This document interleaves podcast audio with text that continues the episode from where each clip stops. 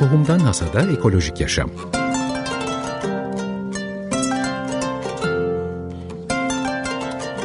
Hazırlayan ve sunan Leyla Ünlübay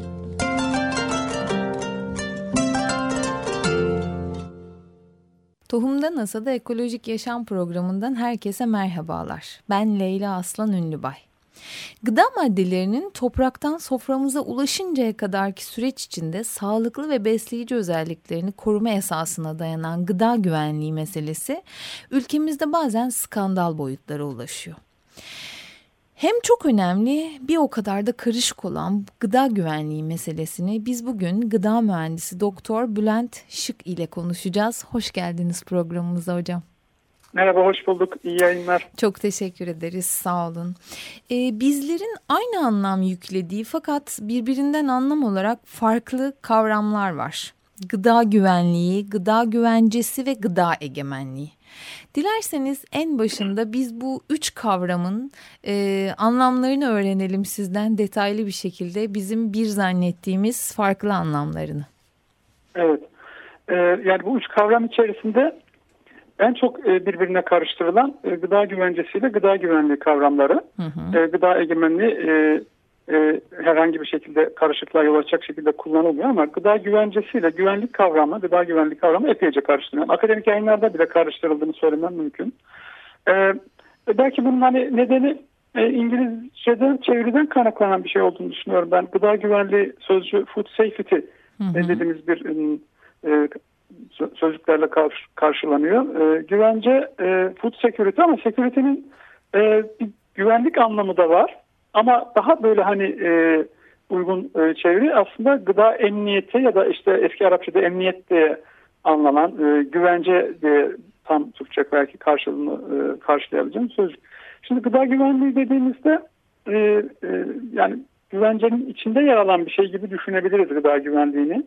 Ve hem gıda güvenliğinin hem de gıda güvencesinin gıda egemenliği dediğimiz aslında büyük bir politik hareket içinde kendisine yer bulabildiğini söylememiz mümkün. Kısa tanımlar yapmak aydınlatıcı olabilir. Lütfen. Ee, e, gıda güvenliği çok hani basit bir tanım yapmak gerekirse aslında yediğimiz içtiğimiz her türlü yiyecek içecek maddesinin e, sağlığa zararlı çeşitli unsurlardan arındırılması ya da bu unsurları içermemesi ya da uygulanacak bir takım işlemlerle e, bu unsurların e, bize zarar vermesini engellenmesi gibi düşünmek mümkün. İşte bu unsurlar neler olabilir? İşte en bilinenler e, zararlı bakterilerdir, hastalık yapan çeşitli mikroorganizmalardır. E, kimyasal olarak gıdalara bulaşan e, çeşitli unsurlardır. Bunlar işte kurşun, arsenik, kadmiyum gibi ağır metaller olur. İnsan eliyle uygulanan e, bazı kimyasal maddeler olur. Teknolojik e, prosesler sonucu atığa çıkan ve doğayı kirleten çeşitli çevresel e, kimyasalların, kirleticilerin gıdalara ulaşması gibi düşünülebilir.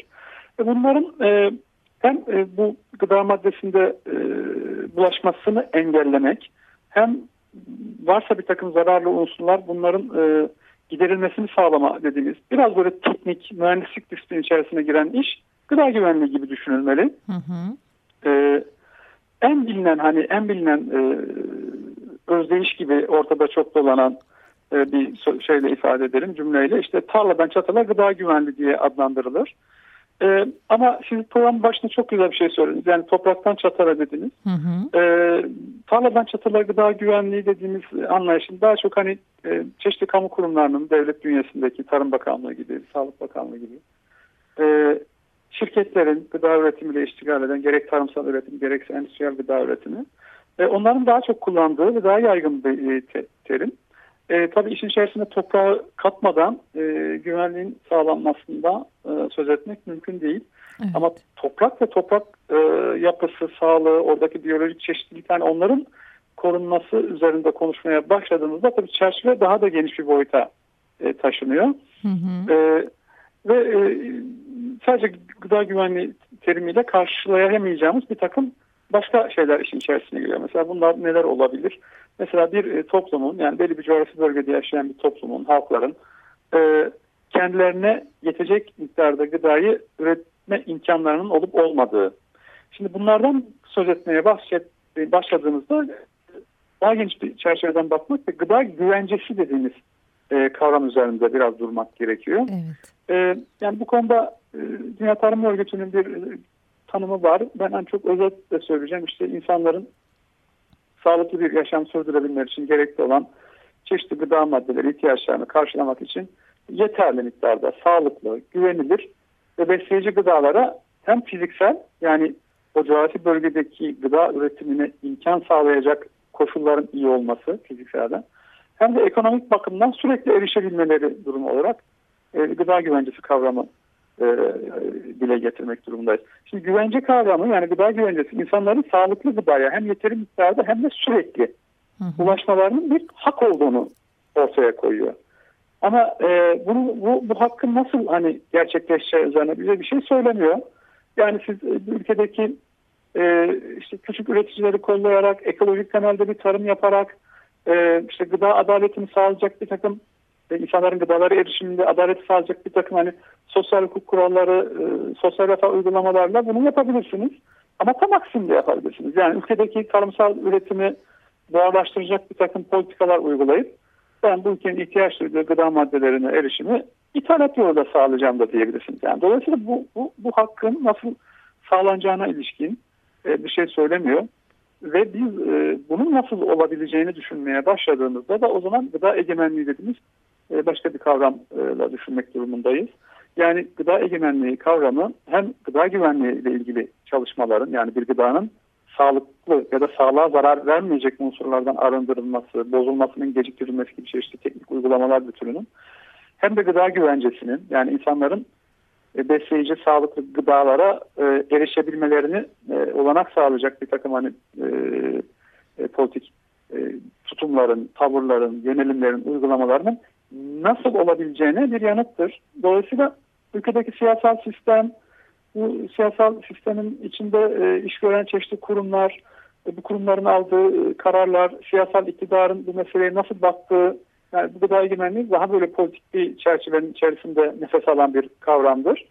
E, ve e, yani güvence gibi ya da güvenlik gibi daha böyle teknik, hijyenik, mühendislik uygulamalarına dayanan bir kavram olmaktan öte, işte dünyada yüz milyonlarca çiftçinin de içinde yer aldığı bir politik hareket olarak da hala var olduğunu ve çeşitli çalışmalar yaptığını söylemek mümkün. Gıda egemenliği hareketinin çok böyle uzun oldu genel bakımdan. Yok yok hayır gayet açıklayıcı oldu ama sizin anlattığınız şeyden şunu çıkardım. Yanlışsam lütfen düzeltin beni.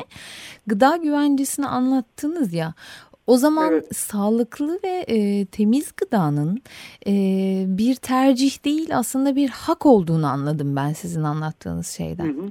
E, evet, fakat doğru. fakat bu hakkında sağlanamadığını yani en azından bizim ülkemiz için e, kişilere sağlanamadığını e, çıkardım. Yanlışsam düzeltin hocam yani bu hak bize sunulmuyor. Estağfurullah. ee, gayet de doğru açıkladınız.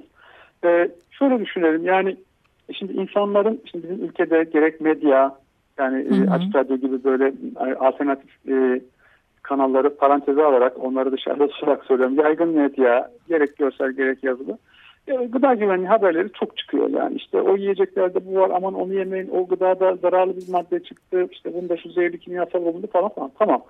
Yani bunlar e, yani bir yönüyle e, konuşulmasında bir sakınca yok. Fakat hangi çerçeve içerisinde konuştuğumuz çok kritik bu tip haberlerin mesela sunumuna baktığımızda e, birkaç şeyi saptamak mümkün. İşte insanlara hani bilgi vermenin ötesinde yani e, işte siz bu sorundan kurtulmak için mesela işte tercihlerinizi düzenleyin evet. bir öneri oluyor. Ya da ülkedeki mevcut bu konularla ilgili kamu kurumları işte önlemler alsın, denetim yapsınlar, kontrol yapsınlar. Şimdi gıda güvenliği bu şekilde sağlanamaz. Bu mümkün değil. Yani dünyada yaygın paradigma budur. Uygulamalar bütünü bu şekilde iş görür. Kamu düzenleyicidir. İşte insanlar da e, uygun ve sağlıklı gıdaları bilgilensinler, tercih etsinler. E, şöyle düşünelim yani gıda güvenliğinin içerisinde dahi e, yani bu paradigma içerisinde dahi yani bu, bu işte devlet kontrol denetim yapsın, akademi bu konuda işte uygun çalışmalar yapsın, problemli noktaları göstersin. E, insanlar da bilgi sahibi olsunlar ve tercihlerini düzenlesinler. Bu iş görmez. Mesela şöyle söyleyeyim. Dünyadaki e, yaygın uygulamalar bir tarafa ülkemiz odağında konuşalım. Lütfen. Tarladan çatala gıda güvenliği denir. Gıda Tarım Bakanlığı bununla ilgili çeşitli çalışmalar yapar. Ülkemiz akademisi gerek ziraat, gerek gıda, gerek veterinerlik gıda güvenliği alanında e, pek çok çalışmalar yapar. Her iki yılda bir büyük bir gıda güvenliği kongresi toplanır ülkemizde. Bakın şöyle söyleyeyim. Mesela hiç dokunulmayan alanlar vardır. Hani sadece gıda güvenliği paradigması, yaygın paradigma içinde düşünsek bile nedir bu dokunulmayan alanlar? Örneğin ülkemizdeki işte sayısı 200 bine yaklaşan e, tutukluların, mahkumların e, gıda güvenliği açısından ne tip sorunlar yaşıyor oldukları hiç dikkate alınmaz. Hmm. Yani siz insanları zorunlu bir toplu beslenme rejimine tabi tuttuğunuzda evet. ya bu insanların gıdaları nereden alınıyor, nasıl temin ediliyor, ihale koşulları neler, bunlar nasıl hazırlanıyor, hazırlama prosedürleri neler, nelerdir, acaba bu insanlar uygun gıdalarla besleniyor ama bu tam, tam da işte gıda güvenliği hani mevcut anlayışın iş gördüğü şeyleri söylüyorum, üzerinde çalışıyor. Ama mesela öyle bir alana hiç girmeyiz. Hı hı. Örneğin e, daha kritik işte çocukların sağlığı açısından e, gerçek problemleri yaratan, ileri yaşlarda ciddi sorunlara yol açan, hormonal sistem bozucular gibi hani böyle çok e, biraz uzak durulan işler e, bunlar. Çünkü e, o alana girdiğiniz anda ister istemez politik bir şeyler söylemek zorunda kalırsınız. Yani işte devlet bunu düzeltisinden öteye gidersiniz ve fark edilir ki aslında içinde yaşadığımız hayat, sistem yani adına kapitalizm diyebiliriz. İşte bu, bu, bu toplumsallık şartları neoliberal adının ne olduğunu gerçekten hiçbir önemi yok ama şunu düşünelim. E, mevcut sistem e, bireysel tercihlerimizle e, düzenleyebileceğimiz e, sağlıklı gıdaya erişimimiz teminat altına almamıza e, yol açacak, sağlayacak bir sistem değil. Yani kastettiğim şey şu. E, ülkemizde mesela 13 milyon civarında sadece yövmiye çalışan insanlar var. Mesela bu insanların doğru gıdayla beslenmelerini e, sadece sadece bir takım sosyal refah uygulamalarıyla yani kamu adını verdiğimiz kurumların, devletin, siyasal sistemin, hükümetin bu insanlara e, sağlıklı gıdaya erişimi güvence altına alacak kamu politikalarıyla e, sağlayacak. Bireysel tercihler denilebilir ki ben yani bunu düşünürüm sık sık. Eğer geliriniz yeterliyse e, ve siz e, biraz bilgi, bilgi sahibiyseniz sağlıklı gıdalar gibi o e, mevcut gelirinizin imkan verdiği ölçüde temin edebilirsiniz. Ama yine de şunu söyleyebilirim bakın e, gıda güvenliği sorunları e, gıda güvencesini oluşturan çerçeve ve onun da içinde alan gıda egemenliği içerisinde e, nabız gibi atar. Yani basitçe şöyle söyleyeceğim. Eğer bu kadar kötü kentlerde yaşıyorsak, e, ülkemizdeki doğa tahribatı bu kadar berbatsa, su varlıklarını bu kadar ciddi bir şekilde kimyasallarla kirletiyorsak, bizim e, istediğimiz kadar yüksek gelirimiz olsun, e, gıda güvenliği ile ilgili sorunlardan kaçınmamız, tercihlerimizi doğru bir şekilde düzenlememiz imkansızdır. Bu sağlanamaz. Evet. Ve nasıl hani şöyle bir şey söyleyeceğim. Bu meselenin teknik bir konu olmadığını, bireysel doğru tercihlerle bir, bir yere kadar hani bütünüyle bireysel iradeyi de ortadan yani silen bir şey söylemek istemiyorum. Hı hı. Ama nihayetinde bundan kaçınmamızın çok zor olduğunu ifade etmek durumundayım. E biz e, gıda meselesinin çok ciddi bir politik mesele olduğunu düşünmek durumundayız ve e, bu meselenin e, şey gıda ile ilgili meselelerin içinde yaşadığımız politik sistemin nasıl iş gördüğüyle ilintili olduğunda gerçekten e, üzerinde durmalı ve düşünmeliyiz. Yani aslında bireysel olarak yaptığımız tercihlerin bu meseleyi çözmeyeceğini, bütüncül yaklaşımlarla bu meselenin çözüleceğini e, anlıyorum ben sizin anlattıklarınızdan. Onun için toplu olarak hareket etmenin en iyi e, sonuca ulaştıracağından bahsediyorsunuz. Peki hocam biz e, Türkiye, Türkiye'de e, bu politikalarla ilgili ve bu e, gıda güvenliğinin, gıda güvencesinin sürekli skandal boyutunda vatandaşın önüne gelmesiyle ilgili bir soru sormak istiyorum size. Neyi yanlış yapıyoruz? Yani e, patlak verilen, yani patlak verdiğimiz noktada biz neyi yanlış yapıyoruz? Neyi düzeltmemiz lazım? Ne şekilde düzeltmemiz gerekiyor? Anladım. Yani bu skandal derken bu yani medyadaki Aynen öyle. Evet. Evet. Yani şu ee, ürünlerin tamamı kanser yapıyormuş. işte şu şu şekilde üretiyormuş aslında üretiliyormuş aslında e, e, sağlığımıza bu kadar zararlıymış gibi. Hani bunun önünü biz nasıl keseceğiz? Bunun için nasıl bir politika evet. e, geliştirilmesi yani şimdi, gerekiyor? E, yani Şimdi ben bu yakın bir zamanda bununla ilgili bir rapor açıklamıştım aslında. O da evet. Cumhuriyet Gazetesi'nde yayınlandı. Okudum ee, ben sizin yazınızı hocam. Ben zaman zaman e, şeyleri ya, yazıyorum. Yani e, mesela işte gıdalarda bulunan toksik kimyasallar, o kalıntılar nasıl tespit edildi? Benim hani ağırlıklı çalışmalarım hep onlar oldu. Ve biraz da çocuk sağlığı odağında çalıştım. Yani çocuklara zarar veren, işte nöro, nörolojik yani sinir sistemlerine zarar veren, e, hormonal sistemlerine zarar veren kimyasalların işte doğaya nereden bu, doğada nereden geliyor bunlar? Bunlar gıdalara nasıl ulaşıyor? Onlar üzerinde çalışıyor. Şimdi medyada şunda sakınca yok. Yani mesela e, çok kritik bir şey tesis edersiniz. İşte e, yani örnek için söylüyorum sadece. Diyelim ki işte Türkiye'deki illerden bir tanesinin içme suyu kaynağında ciddi bir kirlenme vardır. E, ve bu, bunun acil duyurulması gerektiği de e, o zaman duyurulur. Yani medya bunda bir araştır gerçekten. Fakat medyadaki e, mesela haberlerin sunum tarzına baktığımda ben şunu fark ediyorum. E, bunu yani dile de getiriyorum her platformda. Burada da söylemiş olayım. E, medyada e, etkenler üzerinde çok duran ve e, biraz korkuyu besleyen haber sun, sunum tarzı var. Etken derken şunu kastediyorum. E, mesela işte gıdanın içerisinde bulunan işte sizin dediğiniz gibi kanser yapan bir kimyasal madde veya kansere neden olan bir e, kimyasal madde veya kanser olma ihtimalinizi artıran bir kimyasal maddenin varlığı. Evet bu, bu gıdalara test edilmişse insanlara bunu duyurmak e, gerekebilir. Ama şöyle yapılmıyor. Yani e, işte şu gıdada şu bulundu, o gıdada bu bulundu. Tamam e, e, bu, bunu söyleniyor. Ama akabinde yani bu e, o kadar hızlı bir şekilde ne yapacağımız e, o kadar hızlı bir şekilde kapatılıyor ki mevzu. Mesela şöyle oluyor. İşte devlet bu konuda önlem alsın. Yeterli çalışmalar yapılmıyor. Şu bu falan. Ondan sonra tamam. Yani e, nedenler üzerinde konuşma çok daha az.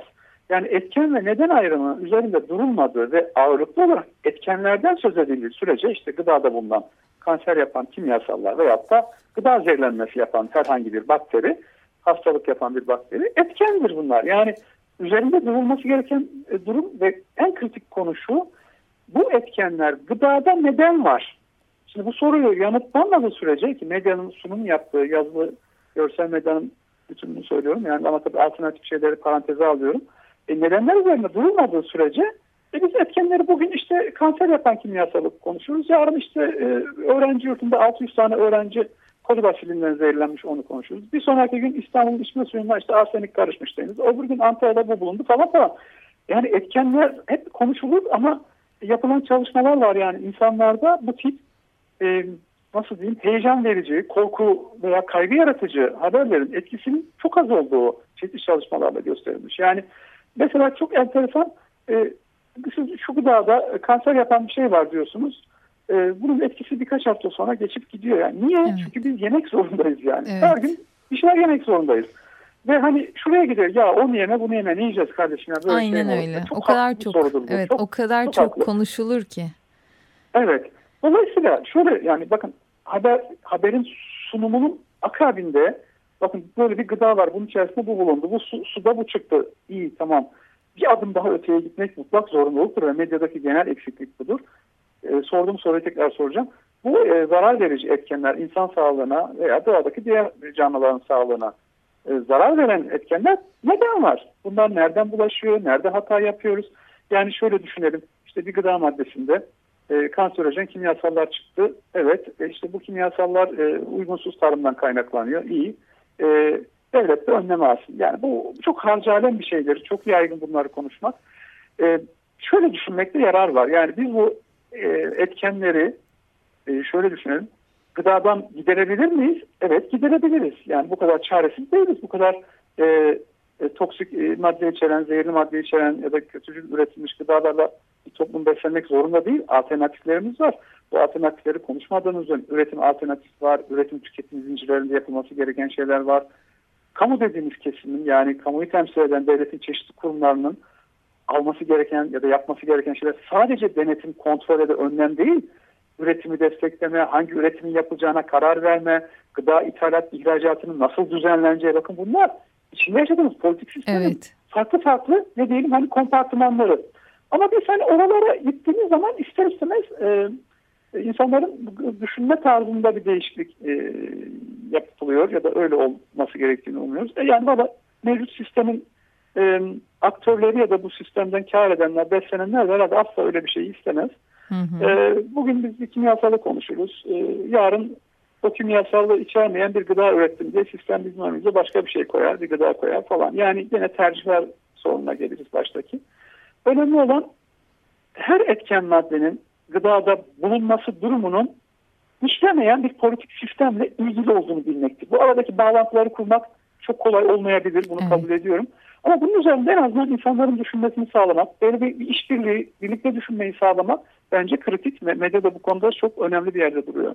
Evet. Ee, peki hocam e, pro, e, problemin nedenine yani sorunun ana kaynağına inmediğimiz sürece ve nedeni bulmadığımız sürece o neden üzerinde çalışmadığımız sürece biz gıda güvenliğini sağlayamayacağız ülkemizde sizin anlattıklarınız kadarıyla ben bunu anlıyorum. Peki e, o, o oraya nasıl ulaşacağız? Yani biz çünkü sürekli korku kültürüyle e, ilerleyen bir toplumuz. Şunu yemeyin e, işte kanser olursunuz deyip bırakıyoruz meseleyi. Nedene nasıl ulaşacağız biz? Yani o kıvama nasıl geleceğiz? Anladım. Ee, yani tabii bu daha böyle geniş çerçevede ele alınması gereken bir e, yanıt. Hı hı. Ee, şöyle düşünelim. Yani çok kestirmeden bir şey söyleyeceğim. Ee, biraz da belki klişe olacak ama yani ıı, gıda politikalarına birer yurttaş, vatandaş, anne baba, aktivist, medyada çalışan bilim insan neyse yani bu gıda politikalarına müdahil olmanın yollarını bulmalıyız. Yani müdahil, işte müdahale eden, olaya karışan o anlamda. Peki bu gıda politikaları dediğimizde neyi kastediyorum? Yani ülkedeki e, geçerli mevzuattan başlar, siyasal iradenin aldığı kararlara kadar gider. E, yani biz e, çiğ süt fiyatlarını belirlediğinde Gıda Tarım Hayvancılık Bakanlığı ve e, öyle bir fiyat belirler ki yani bu şirketlerin önünü açar. E, bir tane iki tane e, sağım hayvanı ineği ya da başka bir süt hayvanı olan insanların o işi yapmasını ortadan kaldırır. Yani e, bir kere bu, bu, bu karar süreçleri içerisinde bulunmadığımız ya da bu kararların alındığı süreçlere etkin bir şekilde müdahil olamadığımız sürece işimiz gerçekten zor. Yani öyle, e, hep etkenleri konuşuruz. Bugün o korku yaratılır, öbürsü gün başka bir korku olur. Dolayısıyla hani kök nedene ulaşmak için politika yapmaktan vazgeçmemek gerekiyor. Ama politikalar o kadar pejoratif, kötücül bir anlama büründü ki ülkemizin hani siyasal atmosferinde bunda büyük bir rolü var. Ama şöyle düşünelim yani illa gidip siyasal partilerde böyle mücadele etmekten, politika yapmaktan bahsetmiyorum. Gündelik hayatta kurduğumuz ilişkiler, insanlarla gıda üretimi yapan e, kişilerle nasıl e, bağlantılar kurduğumuz, bizim e, beslenme ya da gıda, e, sağlıklı gıda, temiz gıda neyse e, o, o meseleye dair neler yapabileceğimiz, sadece tüketici tarafında durmak acaba üretebilir miyiz bir şeyler? İşte bir takım kooperatifler olur, inisiyatifler olur, gıda topluluklar olur. Yani bunlar son 10 yıl içerisinde Türkiye'de pıtrak gibi her e, ilde çoğaldı. Hı hı. E, ve hani sadece kentte yaşayan insanlar doğrudan tüketici olmasa da ama ağırlıklı olarak bir şeyleri tüketmek durumunda olan insan. Yani bu politikalara nasıl müdahil oluruz? Biz nasıl politika oluştururuz? Bir ortak yaşam mümkün mü falan gibi hani e, bu bunun e, yaklaşımları ya da hatta hmm, böyle bir yönelim de var. Aa, bu bu nereye evrilir? Bence bu, bu nüveler çok iyi. Bir filiz gibi görüyorum ben hep bütün bu çalışmaları. Hı hı. En de sonunda e, buradan bir deneyim e, çoğalacaktır. Evet. E, türeyecektir diye düşünüyorum. E, evet tek başımıza mücadele etmemizin e, imkanı yok. Yok, evet. Politika yan yana bir arada yapılan bir şey ve o birlikte bir e, yatay dayanışma işbirliği ağlarını oluşturmamız gerekiyor. Yani çok kaba çok genel söyleyebileceğim bunlar. Hocam e, şimdi bugünkü programımızın sonuna geldik. Önümüzdeki hafta gıda güvenliği meselesini sizinle tekrar konuşmaya devam edeceğiz. Çünkü bu çok derin bir konu ve çok uzun bir konu. Önümüzdeki hafta biz programımıza kaldığımız yerden devam edeceğiz ve e, güvenilir temiz gıdaya nasıl ulaşılır, temiz suya nasıl ulaşılırı konuşacağız size. E, onun için şimdi programımı kapatıyorum. Çok teşekkür ederim. Önümüzdeki hafta tekrar beraberiz. Tohumdan... Ben de zamanı bu kadar hızlı değil. fark etmedim. Yo, mesele çok derin hocam. Mesele çok derin. Tohumda tamam. NASA'da Ekolojik Yaşam Programı'nda bu haftalık bu kadar. Önümüzdeki hafta kaldığımız yerden Bülent Hoca'yla sohbetimize devam edeceğiz. Görüşmek üzere, hoşçakalın. Tohumdan Hasada Ekolojik Yaşam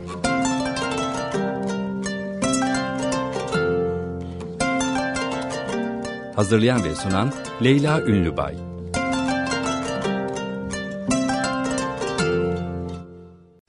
Açık Radyo program destekçisi olun. Bir veya daha fazla programa destek olmak için 212 alan koduyla 343 41 41